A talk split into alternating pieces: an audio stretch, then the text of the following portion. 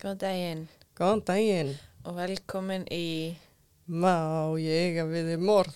Bú, bú, bú. Ég held að við ætlum að segja þetta svona saman. Ó, Má Ég eiga við þið morð. ég vá hvað ég þurfti að þetta verð. En gleðilega miðgudag. Það er miðgudagur í dag. Frábær. Við komst ekki í gær, við vorum í verkfalli. Já, já. Nei, það var samt óvart. En Já. skemmtilegt. En við vorum samt í verkfalli, hann að það er bara Já. gott að við mættum ekki. Herðu, Emma Barryard. Punktur is. Já.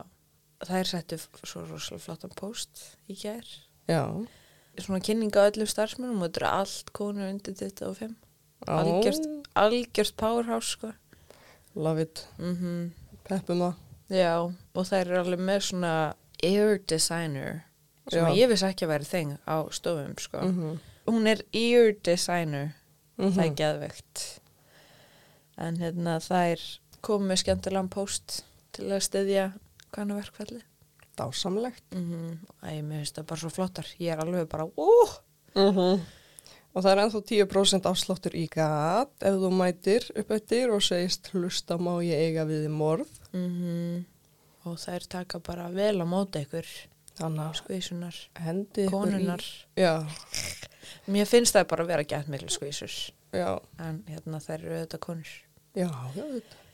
En Konur geta verið skvísur. já, og svo líka bara er að koma jólagjafa sísón Mm og ég vil bara endur taka að kíkja á síðuna og sjá hvort það sé eitthvað flott í pakkan á síðunni. emmabarryard.is Já, Algjörlega. Algjör gæða pakki, sko. En hvernig fannst þér á, á, á ræðu fundinum í, í gær? Hvað segir maður? Á fundinum? Fórstu, nei, fórstu fundinum. Samstöðu fundinum. Já. Samstöðu fundurinn. Herðu, mér fannst þetta bara gæðvegt. Hvern orka Mm. empowering ég var í skíunum sko ég tók litlu konuna mína Já, sýstir dóttur já. dóttur sýstir minnar með, Mm og var svona sín henni. Bara lefin að upplifa þetta. já, já, Já. já og hún bara, vó, þú veist við tókum skilti og hún skrifaði helvitis fucking fuck. Og ég bara, wow mér er það geðveikt hjá henni sko. En þú veist, svo mættu við og þá voru náttúrulega bara skrillum mannstanna þannig að við Mm sáum ekkert og heyrðum mjög lítið, en við heyrðum samt í ræðunum og mér fannst þetta alveg magnað sko. Ég var Þetta alveg bara Þetta er core memory hjá henni right there. mm nákvæmlega, já Þa, það var það sem ég var að reyna að búa til Já, já. ég ætla, þú veist, við, það er okkar hjartans mál, mín sem ömmunar að hún viti hérna Mm kunnað þessi málefni sko. Hún verður glæsileg þegar hún verður fullorinn. já, ég held það sko Hún er flott stelpa. hún er það sko Mér fannst þetta bara dásamlegt, sko. Ég fóð með mömmu, ömmu og frængu minni og þær eru allar rosalega flottar konur. Og amma mín er sko mesti femmi sem ég þekki. Og þetta var bara, við fórum út að borða, svo fórum við aðna og þú veist, þær allar hérna gargandi og, og ég líka og, og svo þú veist, voru svona færri í kringum okkur. hmm. Já, þú veist, það voru ekkert allir gargandi akkurat það sem við vorum. ó, þú meinar það var líka hann hjá mér og ég var alltaf bara "Ú, Já, alltaf kallið þetta jafnrétti, ég alltaf, nei, enginn í kring, ég alltaf Það er bara gaman, þá bara býr maður til stemminguna á þeim hluta, já, já, algjörlega, Eins og í drusligaugur, það voru alveg nokkra gælur sem að voru að kalla. já, já, já, veist, það er ekkert allir tilbúinir í að vera gargandi, Nei, þannig að það er bara mjög skiljanlegt, sko, Já, 100%. En það, þú veist, ég er bara að segja það er bara gaman. Já, já, Ég algjörlega, held að enginn hafi verið eitthvað, heyrðu, nennu aðeins að lækki í þér. Eitthvað, já. maður þarf oftast að peppa hérna upp, sko, Já. en svo er alltaf einhver sem er ekki alveg tilbúinir og það er bara allt í lagi, en Já. bara halda áfram að garga og láta í þér heyra, sko, Mm það er bara að fær fleira fólk með þér í lið. -hmm. En þetta var bara dásanlegt. Mjög gluð með alla ræðunar og rekkaðan alla geggjuð og Ég, unna torfa. ég sko, ég, ég held að þetta væri önnur ragga. Nú, Ég held að þetta væri hérna, heitur hún ekki líka Raka Gísla sem er hérna, Já, í hérna... Reykjavíkur þetta. Heitur hún ekki Raka Gísla? Jú, Já, bara hjá ekki? Ég- Hún, Nei, Ragga Hólm, hún er kölluð Ragga Hólm, en ég held að sé gísladóttir, ég veit það samt ekki 100%. ok, já, hann að, já. Varst þú bara Ragga Hólm er að koma? Ég, ég bara, wow, næs, bara, þú veist, og ég sminninga, hver er Raka Gísla? Og ég eitthvað, heyrðu, hún var í júru.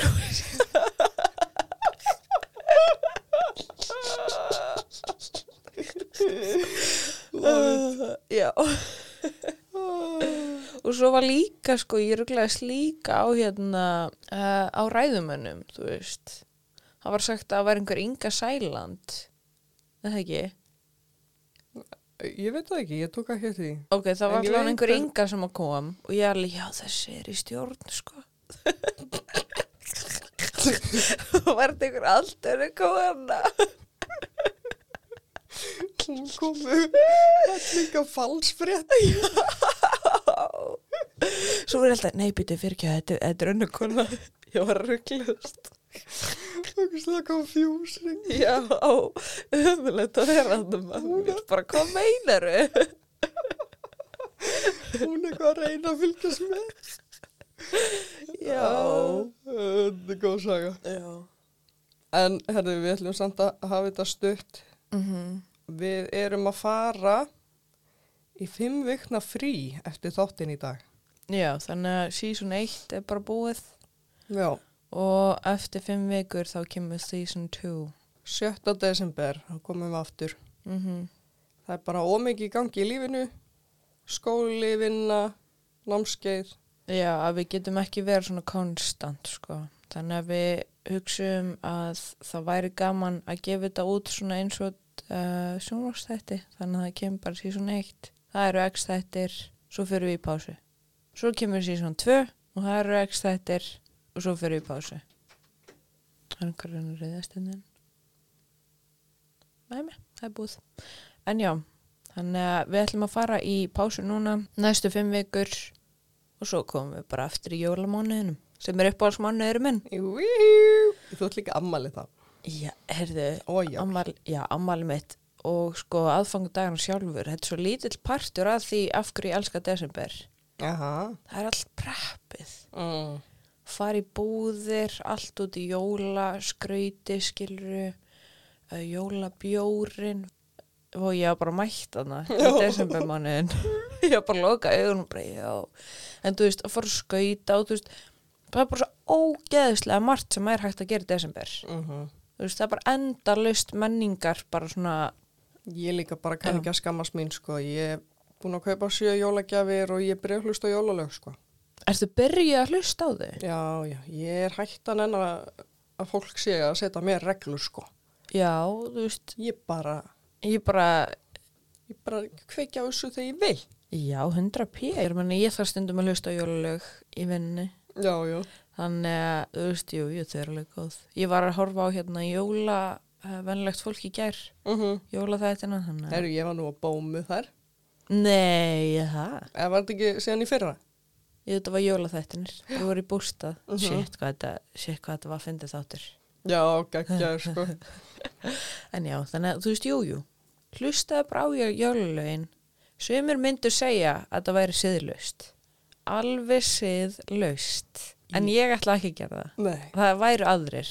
ég myndi skammast segja. ekki. Nei, gott. Þú bara hlustar á jólalög. Ég bara, ég veit það ekki. Ég, ég, svona, ég vil býða með þetta þanga til fyrsta DS. Og þá fer ég all in. Þá er ég bara jólalögin. Mm -hmm. Fer að vesla pakka. Ég fer að, þú veist, ég er enda skreit aldrei heima hjá mér því ég á ekkert jóladótt. Mm -hmm. Að því týndi því öllu. oh. En hérna, þú veist, þá bara fer ég all in í jólastemminguna. uh Og Dásam. ég elska, sko. Ég er svo mikið jólabann. Já, ég líka. En já, já, við ætlum að henda okkur í þáttinn. Já. Það er Issei Sagawa. Já, ekki borða Já. meðan þú ert að hlusta. Ef þú ert að borða, ítt á pásu, kláraði matinn og svo, Já, að því annars myndi æla matniðinum.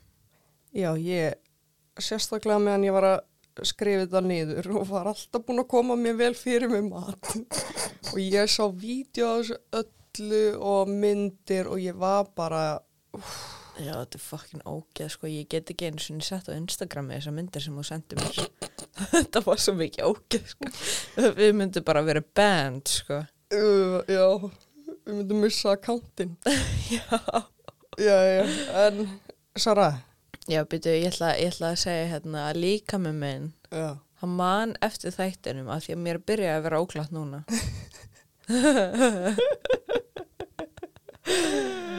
en já, ok, Sara, já, má ég eiga við þið morð?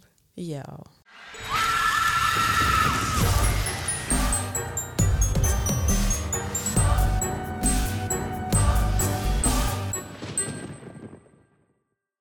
Issei Sagawa fættist í Kobe í Japan þann 27. apríl 1949 og er því nöyt í stjórnumerki. Hann kom frá ríkri fjölskyldu, Ok, veistu hvernig? já, auðvitað. Ok, held áfram. Issei var fyrirburi og var svo lítill þegar hann fættist að hann passaði í lofa pappa síns. Hann fekk strax garnabólgu sem er bólga í meldingaveginum og eru helstu enginin uppköst, niðugangur og kviðverkur. Læknarnir heldu að hann myndi ekki lífa garnabólguna af en eftir hann fekk kalsjum og kalki æð náði hann að jafna sig. Þegar hann var krakki fekk hann mikinn áhuga á bókmentum og hann var vel upp alinn og heitt elskar á fóruldri sínum og var mjög hamingjusamt barn. Það er gott. Já, hann misnotaði hundi sinn sem krakki Nei! og í fyrsta bekk sá hann læri á kallmanni og hugsaði konum langaði ægilega mikið að borða það. En mjög hamingjusami krakki samt. Já, úf, þannig að slúst mér strax út, sko. Þá byrjaði hann að þrá að borða mannakjött en vildi samt að það væri erlendur kvenmaður. Ok, he- hefur samt aldrei pælt í því hvernig er að, veist, að býta í gegnum, Jú, er mjög erfitt. já, þú veist, já, potið þetta, skilju, en hefur aldrei fengið svona, hvernig væri að býta, þetta er auðvitað intrúsið þátt, halda áfram. ég er ekki manna þetta, ég myndi aldrei gera þetta. Þá byrjaði hann að þrá að borða mannakjött en vildi samt að það væri erlendur kvenmaður. Helst vestrænar konur þar sem þær voru hávaksnar og flottar og þegar hann var orðin fullorðin var hann lágvaksinn og þinggerður og eitthvað í kringum 1,50 cm á hæð. Árið er 1973, Issei var 24 ára og var í háskólanum Waco í Tókíó að læra enskar bókmentir Einn sumadag lappaði sér fallega ljósarða kona fram hjá honum. Hann var vissum að hún bjó í sömu byggingu og ammans og einn daginn laumaðist hann inn um gluggan á íbúðinennar sem var á jarðhæð og ætlaði að drepa hann á borða. Hún lág sofandi í rúminu sínu sem hentaði Issei vel. Hann var með Frankenstein grímu á sér og með regglíf sem hann ætlaði að nota til þess að róta hana með og svo ætlaði hann að fara inn í eldúsið hennar og sækja hníf til þess að skera í rassin hennar til þess að borða hann. Ég veit ekki hvernig hann ætlaði að róta hana með reglíf. en- Nei, ég hugsaði líka bara, ha, þú veist, hvaða enda er hann þá að fara að slá í hana, þú veist, Já, ég veit ekki. ég, ég held að, þú veist, hann væri betri bara með, þú veist, að róta hana með skeið, sko, það má be honest, sko. Herðu, hann laumast upp að konunni en rekur hnén í líkamennar og hún vaknar og sér hann og öskar eins átt og hún getur og grýpur í hann. Hún var sterkar en hann og næra yfirtakan. Hvað sagði þú að það væri? Yfirburðan? Yfirböga. Yfirbugan, já. Hún ringir í laurugluna og hann var ákjærður fyrir tilraun til nöðgunar. Úf, bara ef þau hefði vita hvað hann hefði huga, sko. Einmitt. Jesus. En kæran var feld niður þegar pappi Issei borgaði konunni sáttaruppgjör. Pappan sendi hann til sálfrængs eftir þetta sem taldi hann mjög hættulegan mann en ekkert var gert í því. Árið 1977 fer Issei í háskólanám í París í samanburðar bókmentafræði, samkvæmt Google Translate, ég veit ekkert hvað þetta þýr. Þá var hann 28 ára og skólinn hétt Sorbonne. Hann var mjög feiminn og talaði ekki við marga í París og átti því enga vini. Þrjú ár liðu. Árið er 1981, Issei er 32 ára og er enn í háskólanám í París, René Hartveld var í bekknum hans og varðan mjög hrifin að henni. Hún var þýsk, 25 ára og 1,78 cm á hæð. Hún var opinn og góðhjörtuð. Hún talaði við hann sem ekki margi gerðu því hann var svo lokaður og feiminn. Þau urðu góði vinnir og fór hún að kenna hann um þýsku. Hann vissi þetta væri svo sem hann vildi borða og byrjaði hann að plana morðið. Gata, hún bara að vera góðhjörtu að kenna honum þýsku og, og svo er hann bara eitthvað að plana borðu hana. Ég veit það. Herðu, það er 11. júni og ennþá 1981. Hann bauði henn að koma í kvöldmatt og ætlaði hann að fá hana til þess að lesa þýst ljóð sem hann ætlaði að fá að taka upp á kassettutæki fyrir eitthvað verkefni í skólanum sem hún samþykti. René mætir og þau fá sér te og viski og svo sækir hann bókina og sýnir henni hvar hún getur setið á stól við skrippborð þar sem kassettutækið var. Hún byrjar að lesa ljóðið og á meðan sækir Issei 22 kalibera riffil í lítinn skápa bak við hana og miðar á hana. Hann er hættur en hann kippir í gikkin og skýtur René Hartvelt aftan frá í hálsin. Hún skaust fram fyrir sig og skallaði skrippborðið svo datt hún aftur og stólinn flög aftur með henni. Býtu hvað það er, hvar skaut hann hana? Aftan í hnakkan einhvern veginn. Oh, Jesus, ok. Stundum er það hálsin, stundum er það hnakkin, Já, bara einhver starðan á milli eitthvað. Já. Þar hún látin á gólfinu og blóðið rann úr sárinu á hálsinum og mununum hennar. Issei setti hangklæði undir höfuðið hennar og fór svo afklæðana og svo nauðga hann líkin hennar. Hann kissir hana og segir ég elska þig á frönsku. Uh, Sjadam. Pældi í því hvernig þetta er þegar þið er að segja þetta eftir á. Já, svo kisti ég hana og sagði ég elska það á frönsku. Já, þetta, þetta, þetta viðbjóð sko. Ég bara, ég, ég er svona, mér langar svo mikið að vera með í yfirheyslu. Svona fyrsta yfirheyslan á einhverju bara svona ógeði. Mm Bara svona hvernig segja þau frá þessu, skilur Mhm.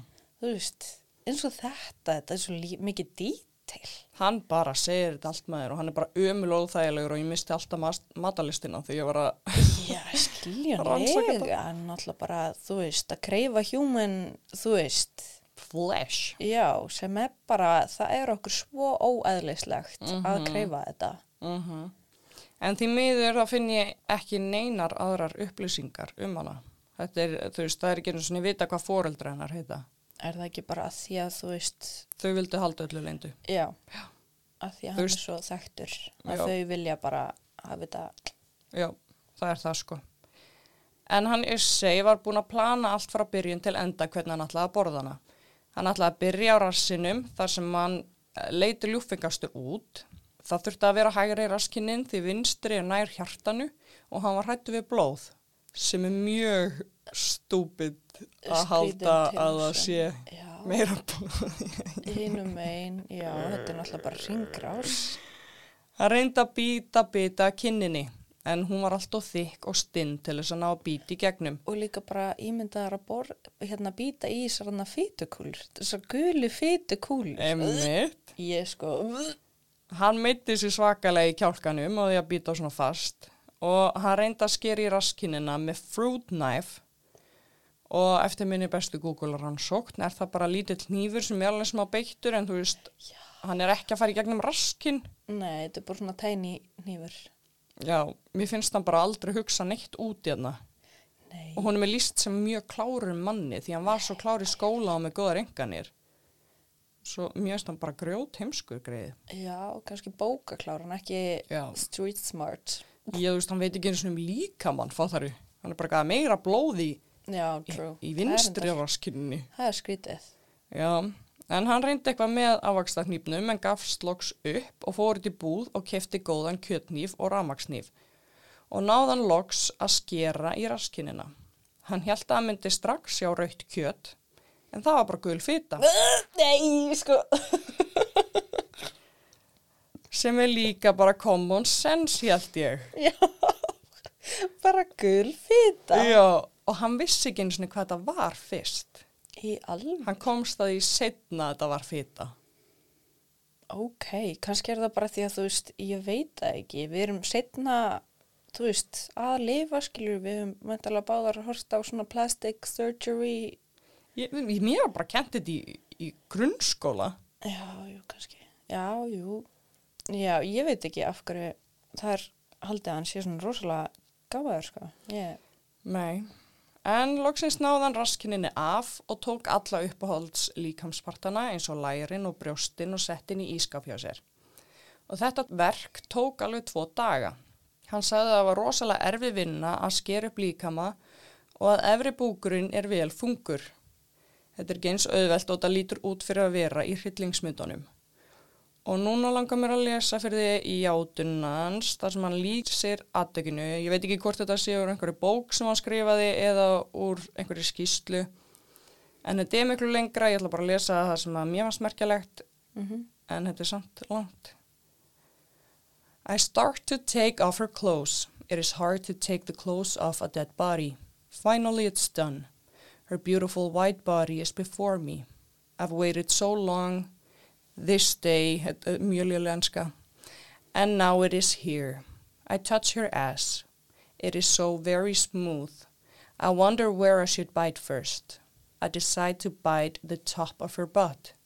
My nose is covered with her cold white skin. I try to bite down, but I can't. I suddenly have a horrible headache. I get a knife from the kitchen and stab it deeply into her skin. Og sko þarna var ég búin að ta...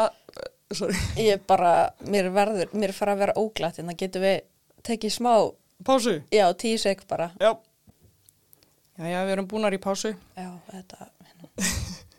En þarna var ég búin að segja, hann kefti hníf sem kemur fram í viðtali við hann en svo segir hann söguna svo oft mismunandi. Þarna er hann að segja, hann fór bara inn í eldús að kaupa þannig að þú veist, allar upplýsingarnar sem ég tók er bara það sem að var nefnt oftast. Já. Af því að hann bara, þessi saga er út um allt, Já, sko. þú veist að segja að hann skrifaði bók. Já, það Ég, kemur... mynd, ég myndi sko að halda þetta sé úr bókinni. Já, Og svo eru kannski aðra upplýsingar sem að hafa komið frá lauruglu þá. já, og svo er hann nýhellinga viðtölum og Mhm. að lýsa þessu, fattar við, en það er alltaf mismunandi eftir viðtölum. Já, bara því að, þú veist, er það ekki bara með hérna sociopaths? Jú, jú. En þetta er allavega, já, bara ástæðan okkur, ég þurfti bara það. Já, hann hérna stepped deeply into the skin. Mhm. Suddenly a lot of sallow fat oozes from the wound. It reminds me of Indian corn. It continues to ooze. It is strange. Finally, I find the red meat under the shallow fat. I scoop it out and put it in my mouth. I chew. It has no smell and no taste. It melts in my mouth like a perfect piece of tuna. I look in her eyes and say, You are delicious. I cut her body and lift the meat to my mouth again and again. Then I take a photograph of her white corpse with its deep wounds. I have sex with her body. I kiss her and I tell her I love her. Then I drag her body to the bathroom. By now I am exhausted, but I cut into her hip and put the meat in a roasting pan.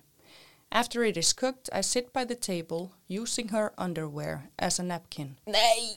They still smell of her body. Then I turn on the tape of her reading the German poem and eat. There is not enough taste. I use some salt and some mustard, and it is delicious. Very high quality meat. Then I go back to the bathroom and cut off her breast and bake it. It smells while it cooks. I serve the breasts on the table and eat it with a fork and knife. It isn't very good, too greasy. I try to cut into another part of her body. Her thighs are, were wonderful. Finally, she is in my stomach. Finally, she is in my stomach. Finally, she is mine. It is the best dinner I've ever had. Next morning, she's still here. She doesn't smell bad. Today I must finish cutting up her body. I start to cut off all the meat before amputating the limbs. Well, I cut her calf, what could that end? Calf Cough. her calf. I suddenly want to taste it. I see the beautiful red meat beneath the fat. I grasp her knee and her ankle and tear it with my teeth. It is tender. I slowly chew and savor it. And then I start to eat at random. I bite her little toe. It still smell of her feet. I stab the knife into her arc and see the red meat deep inside. I thrust my fingers inside and dig out the meat and put it in my mouth. It tastes okay. Then I stab the knife into her armpit. Ever since I saw it under her yellow sleeveless top, I wondered how it would taste this good. The wonderful taste cheers me up, and I devour her underarm up to the elbow. Finally, I cut off her private parts. When I touch the pubic hair, it has a very bad smell. I bite her clit, but it won't come off. It just stretches. yeah. So I throw it in the frying pan and pop it into my mouth. I chew very carefully and swallow it. It is so sweet. After I swallow it, I feel her in my body and get hot. I turn the body over and open her buttocks, revealing her anus. I scoop it out with my knife and try to put it in my mouth. It smells too much. I put it in the frying pan and throw it in my mouth. It still smells. I spit it out. It's been 24 hours now. Some huge flies hover and buzz in the bathroom. I tried to chase them away, but they came back. They swarm on her face. They seem to tell me I've lost her forever. It is no longer her. Where is she? She's gone far away. I've broken her. Já, þú ert bara búin að borða hana, ég segi. Mm-hmm. Like a child who breaks his toy. Já, bara no regard Já, þetta er fyrir bara, mennsku lífi. þetta var bara viðlíkingin sem hann ákvaða að nota. I tried to use an electric knife to cut her body. It doesn't work.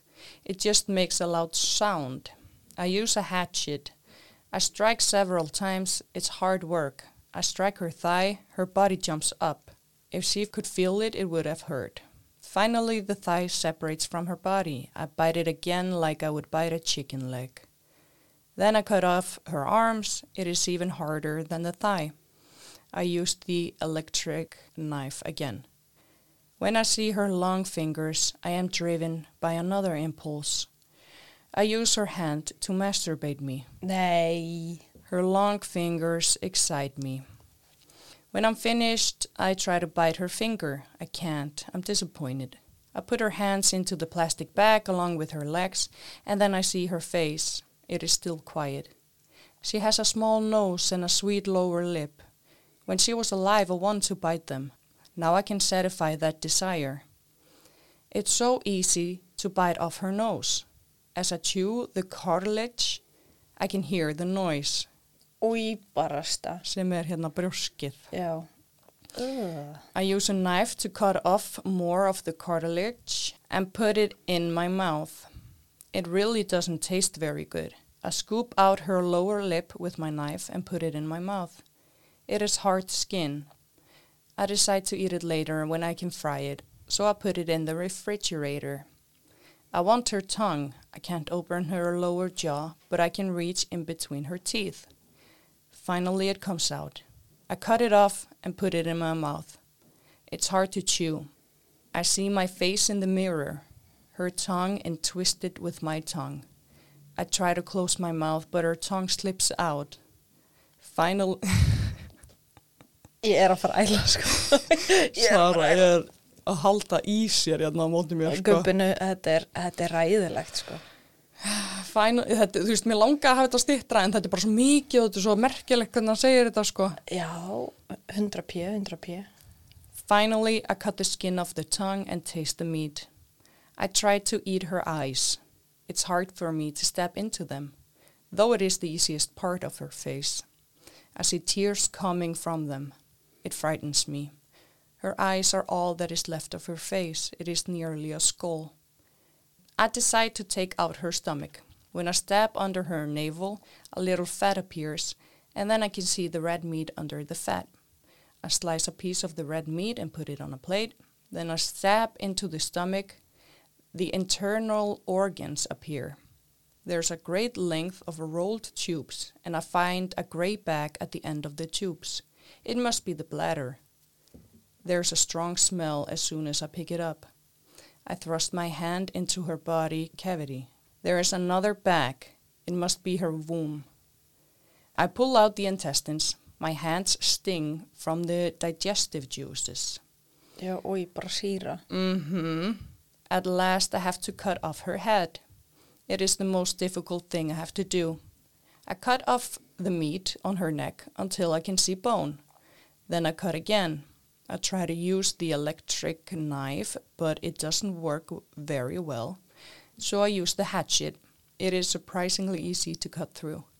With the head gone, her body is now only flesh.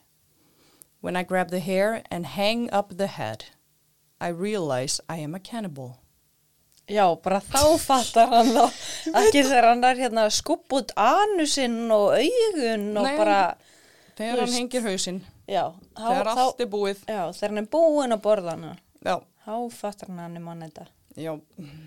I put the head in a plastic bag, I separate the body and put it into two plastic bags. They are heavy. It is hard to put them into the suitcases. I am finished, it is midnight, I call a taxi. I am home, I turn the TV and open the refrigerator. I put the dishes on the glass table. I recognize every piece of meat. This is a part of her hip and this is the part of her thigh. I fry them on the stove. I set the table. There is mustard, salt, pepper, and sauce. I put her underwear beside the dish. I sniff it and look at nude women in magazines. I try to remember which part of her body is in my mouth, but it is difficult to connect the meat with the body. It just seems like a piece of meat. I con- Farðu þá út og kiftur svínakótulettu. Mm-hmm. Each day the meat becomes more tender. Each day the taste is more sweet and delicious. Já, þarna tek ég fram að hann var búinn að setja í töskur og eitthvað og ég ætla að segja frá því. Tveimur dögum eftir morðið keifti hann tvær ferðartöskur til þess að setja afgangina líka mannum í. Einni sett hann sönnun á gögn eins og blóðut lag og hann klæði í töskurnar. Hann pantaði leigubíl og baði hann að keira í næsta almenningskarð. Hann vissi ekkert hvert hann væri að fara. Fólk var ennþá úti á, í sólbaði klukkan átta um kvöld að því að það var bara svo gott viður og það var fjölmennt hvert sem hann fór. En hann þurfti að segja leigubílstjórnum að stoppa bara einhver staðar. Þegar þeir stoppa allar leigubílstjórna rétt honum ferðartöskunar með líkamarinn nei, þá voru þær svo þungar hann spurði hvað ertu með lík í töskunum með það? Oh my god. Og hann sagði að þetta væri bara bækur. Úf. Svo er hann svo lítill og er stöglast með hann og líka maður í tveim töskum og oh Mhm. my god. Nú stóða neitt bara einhver staðar í miðjum garði með tvær ferðartöskur og það var hellinga fólki aðna. Og honum fannst allir vera að horfa á sig, sem þau voru, lítill maður að draga tvær þungar ferðartöskur með sér. En hann lappaði að stað þar til hann fann hljóðlátan stað þar sem enginn var og byrjar hann að íta töskunum niður brekku í áttað á sem var þar. Hann lítur upp og sér þetta fallega sólsetur. Hann sér gamlan mann og lítinn strák standa saman og allt verður svo fallegt á litin út á sólseturinu. Hann gleymir sér í smá stund, þangan til hann heyrir einhvern kalla á bakvið sig. Hann lítur við og sér að þar stendur maður og er að spyrja hvort hann hérna eigi töskuna á meðan hann er að opna hana. Nei, Og ok, hann segir shit. þá fljótt nei, án þess að hugsa. Og opna þá maðurinn töskuna. Þar er lag, þakið í blóði og fótleggur. Hann öskrar morðingi. Ég veit ekki hvort hann var að segja að hann væri það eða bara vara fólk við í kringu sig. Hver öskraði það? Maðurinn? Já, Eða sem opnaði töskuna. Já, ok. En Issei lappa bara í burtu. Já. Get unbothered. hann fer bara heim. Já, Leitin af morðingjanum hófst og var beðið almenning um að fylgjast með og reyna að finna smávaksinn asískan kallmann. Þannig Issi reyndi að halda sér heima við og ekki fara út meðal almennings og held áfram að njóta kjötsins. En leigubílstjórin ringdi í laurugluna og sagði að hann hafi skuttlað smávöksnum asísku manni með tvær ferðartöskur sama dag og líki fannst og gaf hann þeim heimilisfangi hans. Það var fjóru dögum eftir morðið og mætir lauruglan heim til Issei og hann tekur hann. Þrýr sálfræðingar yfirhyrðan og komist að þeirri niðurstöðu að hann væri veikur á geði og var hann sendur á geðdeild fyrir glæpamenn. Þar var hann í meira en ár í greiningu. Þar var hann greindur geðveikur og var því talinn ósakhæfur. Pappans kom enn og aftur á bjargakallinum. Hann réð flottasta lögfræðingin sem hann fann og sannferði hún frönsku ríkistjórnina að senda hann til Japans. Franska þjóðin var líka mjög ósátt að hann væri þarna á þeirra kostnaði. Að skatturinn þeirra væri að fara í að hjálpunum. og var honum því vísa úr landi og áframsendu til Japans. Þegar hann lendir í Narita í Japan var hann orðin frjálsmaður. Nei. Jú, jú, hann hefði ekki brotin inn lög í Japan. Oh my god. Þannig að, en pappan senda hann samt á geðdild til þess að fjölmiðlar myndi ekki frétta að hann væri frjáls og held allir að hann myndi fara á geðdildinu og vera þar áfram. En eftir átja mánuði, hann var samt alveg eitt og hóllt ár, en samt átja mánuði á geðdildinni skráði hann sig út. Hann vissi ekkert hvað hann ætti að gera, hann var ekki með vinnu og átti enga pening. Það reyndi að retta sér einhvern veginn en einn daginn ringja fjölmiðlar í hann. Það var nýbúið að ná raðmorðingja sem var búin að vera mikið í fréttum og vildu þau fá hans álið af málinu. Þau buð honum háar fjárhæðir til þess að skrifa greinar undir sínu nafni. Það endaði á því að hann ákvað að skrifa bók. Hann hefur í dag skrifað 20 bækur. Flestar eru mikið að myndum sem hann teiknaði sjálfur og af þessum atbyrði og ógeðslega fantasíur. En einni er þetta komedíska bækur sumar og eiga að vera mjög fyndnar. Einni bókinni þýtt hann geða rannsóknarskísluna og rannsókninni sem hann fór í Fraklandi og notaði hann í bókina. Einn og voru myndir frá aðtekinu byrtar í bókinni eins og af líkamennar, þar sem vantaði neðri búk, aðra hendi og búið að skera brjóstin af henni. Það voru ekkert allir mjög sáttir með þetta en hann seldi samt vel og margi báðan um að áreita bækurna fyrir sig. Einhver listamæður bauð honum að koma í stúdíó til sín til þess að hjálpa honum í að æfa sig að teikna. Ég var með nafnið hans en mér finnst svo fárlegt að fólk vildi vinna með honum og gera glens og gaman úr þessu hann að ég ætla ekki að segja hvað hann heitir. Já, líka bara, er hann ekki hrættur um að vera jétin eða? Nei, hann vildi náttúrulega bara konur. Jesus. En hjá þessum listamanni fatta hann að hann hafði mikinn áhuga á að mála myndir af konum og byrja hann að mála myndir af konum sem honum fast fallegar og fekk sér umbóðsmann sem hjálpa honum að selja myndir hans um allt land. Einnig var gerð stuttmynd sem var mjög skrítinn. Þar stóð hann í nærbuksum og stóð hæðin hans og þingdaskjánum og svo var hann látið gera styrtæfingar. Það var bara eitthvað til þess að gera grína í hvað hann var lítill og ömur og Og hann var bara til í þetta. já, já. Æ, ég elsku. Ok, mér finnst hann þarna vera, þú veist, hann vissulega er búin að drepa og afleima konu, en bara inn og geðdel með hann. Já. Ekki vera, hérna, að fá hann til að skrifa hérna á þessa bók og, og setja hann í yngra myndir og bara gera grína hann, skilur við. Já. Mér það svolítið svona, vú, Já, hann var samt að njóta, sko, hann fekk hellingspenning út úr þessu og, og Japan, þú veist, hann var ekki búin að brjóta hann inn lög þar, sem þau vita, fyrir meina hann og ríka fjölskyldu, það gæti alveg þess vegna bara þau hafi látið þetta hverfa, sko. já, já. Við En- veitum ekkert hvort hann sé búin að brjóta sér aftur og bara, þú veist, að þess vegna geta hann verið bara hverja helgi með nýjan líkama að borða. Mm En hann er bara fráls og lifur. En svo leik hann og einhver stelpa rauð þetta úlfin og hann var úlfurinn og var eitthvað að segja hún væri svolítið grönn en lítið samt ljúfeng út. Einni var hann bara eitthvað að borða kjöta beini, þetta er allt í þessari stuttmynd. Þú veist bara eitthvað kjútlingalegg og þetta er bara heilt atrið að hann að borða og ekki segja neitt en horfir í kameru allan tíman. What the f... Hvað er að þessu fólki?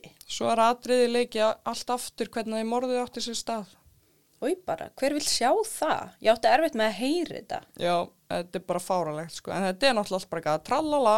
Og það er líka skrítið að fólk sé bara eitthvað að gera grína þessu. Bara Ég- kona misti lífsitt, sko. Já, Bara þetta, er- veist, þetta er maður sem er grindur geðveikur. mm Og fólk er bara einhvern veginn að hlæja því og okkar, þú veist. Ég meina, ég veit að við stundum já við erum, erum bara... að, hérna, eitthvað grínast, skilju. En uh, þetta er bara svo skrítið. Já, hann segist ekki hafa lært neitt á þessu og hélt áfram að dást af og elda vestrænar konur. Hann stal pening frá pappa sínum og kreditkortunum hans og stal og seldi sellóið hjá bróðuðið sínum til þess að fá pening til þess að eði konur. 1993 kynntist hann tísku manni. Hann kynnt honum fyrir hellinga konum sem voru hans típa og í staðin borga hann fyrir þá og þær í skemmtilegheit. Í gegnum hann kynntist hann Rondu, hún var hávaksin ljósærð og falleg. Besta vinkona Rondu var Talja og var hún líka flott kona. Þau eruðu mjög náinn og hann var mjög hrifin að þeim báðum en svaf aldrei hjá þeim. Þær nutuðist bara að hann væri að borga allt fyrir sig. Þau fóru öll saman til Kanada og svo til Indlands, svo fór hann og Ronda einn saman til Mexiko og fóru þau svo saman til Íslands Nei, og þetta er mynda honum fyrir framann búða kirkju á búðum á Snæfellsnesi. oh my god, hvernig kom hann til Íslands? Uh, sko á myndinni stóð 89 en hann kynntist ekki manninu fyrir 93 segir hann í viðtali þannig að þú veist ég veit aldrei hvað eru réttar upplýsingar. Já, skritið. Já, en mamma hjálpaði mér að finna kirkjuna. Takk mamma. Mm -hmm. Ég sendi henni bara myndina hjá bara hvað kirkja er þetta? Þetta er alla kirkjur á landinu.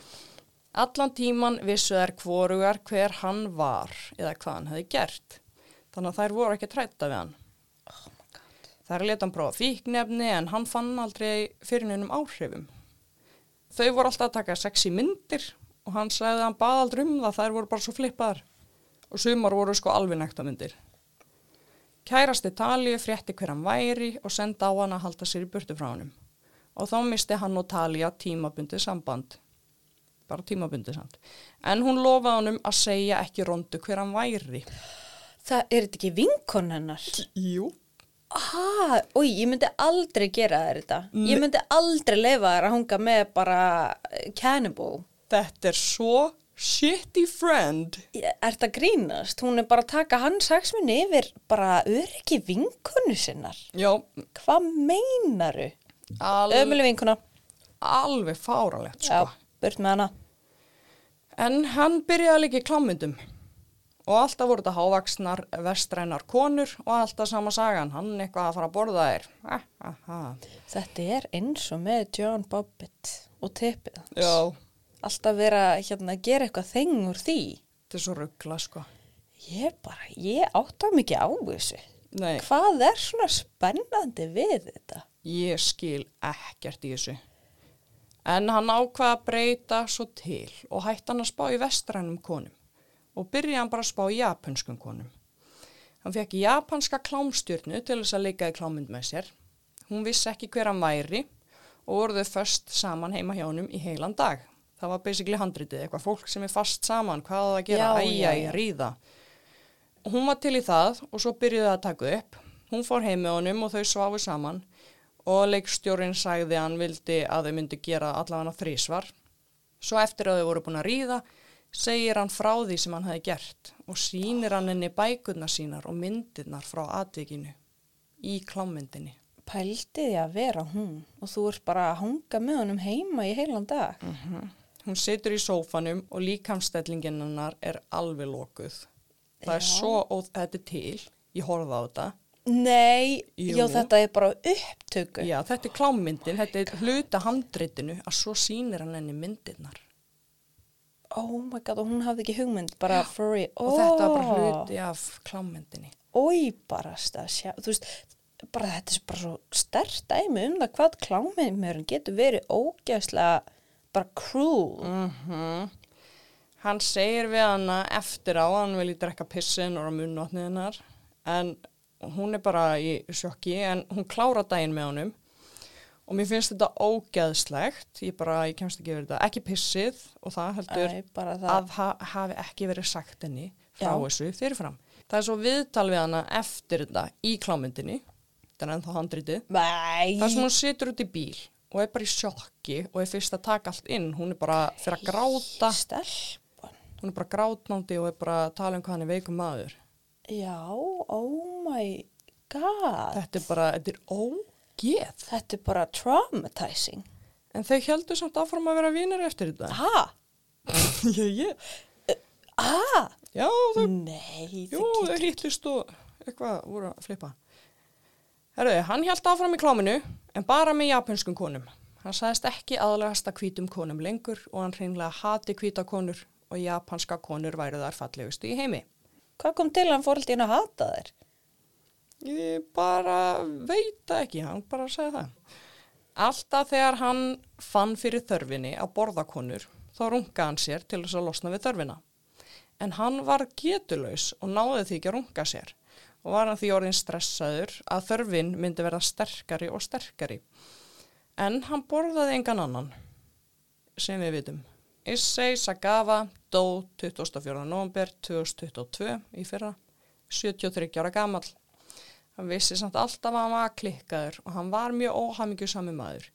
Hann beigði alltaf eftir dauðanum og vildi að hann erði drepin fyrir það sem hann gerði, þótt hann fann ekki fyrir eftirsjá. Æ, þú veist bara einn og geðdeild. Já, en það var líka ástæðan okkur að hann vildi að láta drepa sig. Það er að því að þetta hafði ekki haft neinn áhrif á honum sem honum fannst erfitt. Honum vildi líða illa yfir þessu og sjá eftir þessu. Já. Hann bara, hann bara getur það ekki, skilru, bara Já. vegna hans condition. Já, og líka bara aflengarnar fyrir fjölskylduna hans bróður hans fekk eitthvað asma út frá þvílíkri kvíðaröskun sem ég vissi ekki eins og var hægt að bara endar í asma. Vá, ég vissi það ekki heldur. Nei, pappans þurfti að hætta í hásettu vinnunni sinni, þú veist Oh. ástæðan okkur voru rík og mammans reynda fremja sjálfsmorð. God. Og hann var bara celebrity, Já, hann bara living his best life Mm í klámyndunum og hérna, Selja bækur og selja myndir. bækurnar, já, já. einhverju svona grínklippum pældi að það væri eitthvað svona Íslendingur og við myndum bara gera sketsa þátt með honum Já, einmitt. það væri eitthvað toppurinn á skrítileikunum sko Já, og svo er bara myndir af René á netinu og Ertu búin að sjá hann? ég er búin að sjá þetta allt saman og þú veist, klippur úr klámyndunum og klippur úr stötmyndinni og þetta er allt á netinu og ég er bara búin að vera, Þú ert bara breytt kona eftir þetta. já, Mér fannst þú vera eitthvað öðruvísi þegar þú labbaðir inn sko. já, ég bara er ekki búin að vera með matalist í einu hálfa viku, sko. Æ, ég menn ég skil búin að það taka vel með að ég er búin að þurfa að setja hérna í 40 mínútur, bara búin að vera óglatt í þessar 40 mínútur, sko. Mhm. Hugsaðu og ég fæ alltaf flashback úr damer þar sem hann situr og er að borða þetta nýra eða livra eða whatever. Mm Mhm. Svo, ó, ég bara, uh,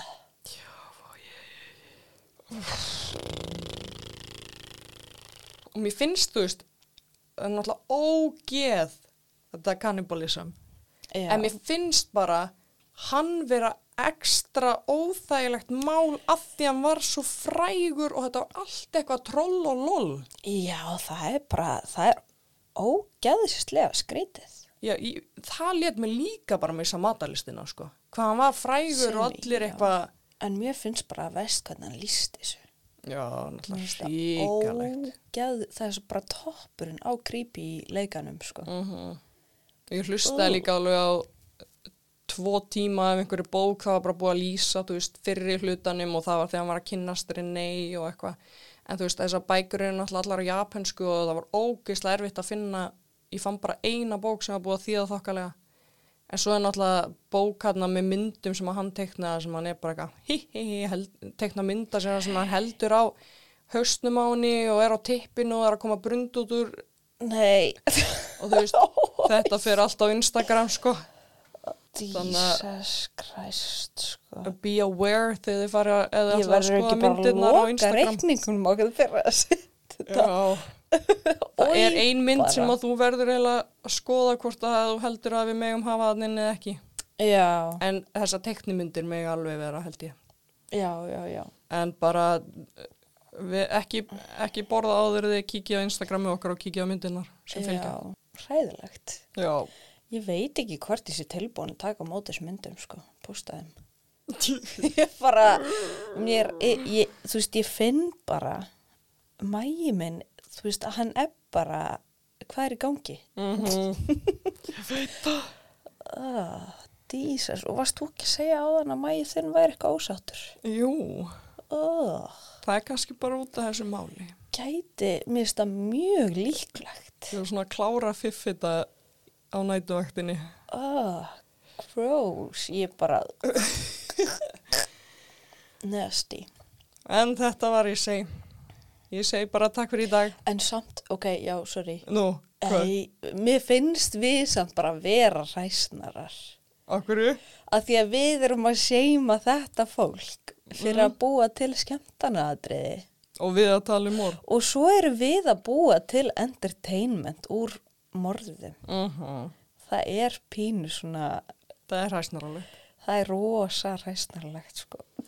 við verum bara að kingja því sko, það er bara, Já. að því við erum ekki að fara að hætta, þetta er mjög áhugavert. Já, ég, ég er bara, við erum ekki En bara að hætta. við skömmumst okkar á meðan. Munum gera það þegar við verðum myndar á þetta. Já. Þannig við fórum aðeins neð, niður af háahæsnum okkar og Já. hérna komst aðeins á jörðina. Hvað háa hesti? Æja, tala um hvað þau væru skrítin fyrir að Já, gera skemmtun úr. það er rétt. Svo erum við að lesa þetta og hlæja. Já, þetta, ég veit ekki Já, hvað er okkur. Það þarf einhvern svona psychopath til þess að búa til trú kræm skemmtana efni. Mm Við? Já, Já, er það ekki? já, já. Ég, ég er bara með borderline sko. Ég, ég veit ekki hvað máli mitt er, sko. Ég, Þú, þú verður að finna út af þínu sko. já. En herru, takk fyrir málið. Já, ég mun ekki borða restina af deginum. Já, njóttu. Takk fyrir það. Herðu, Ok, sást í næstu guð. Bye. bye.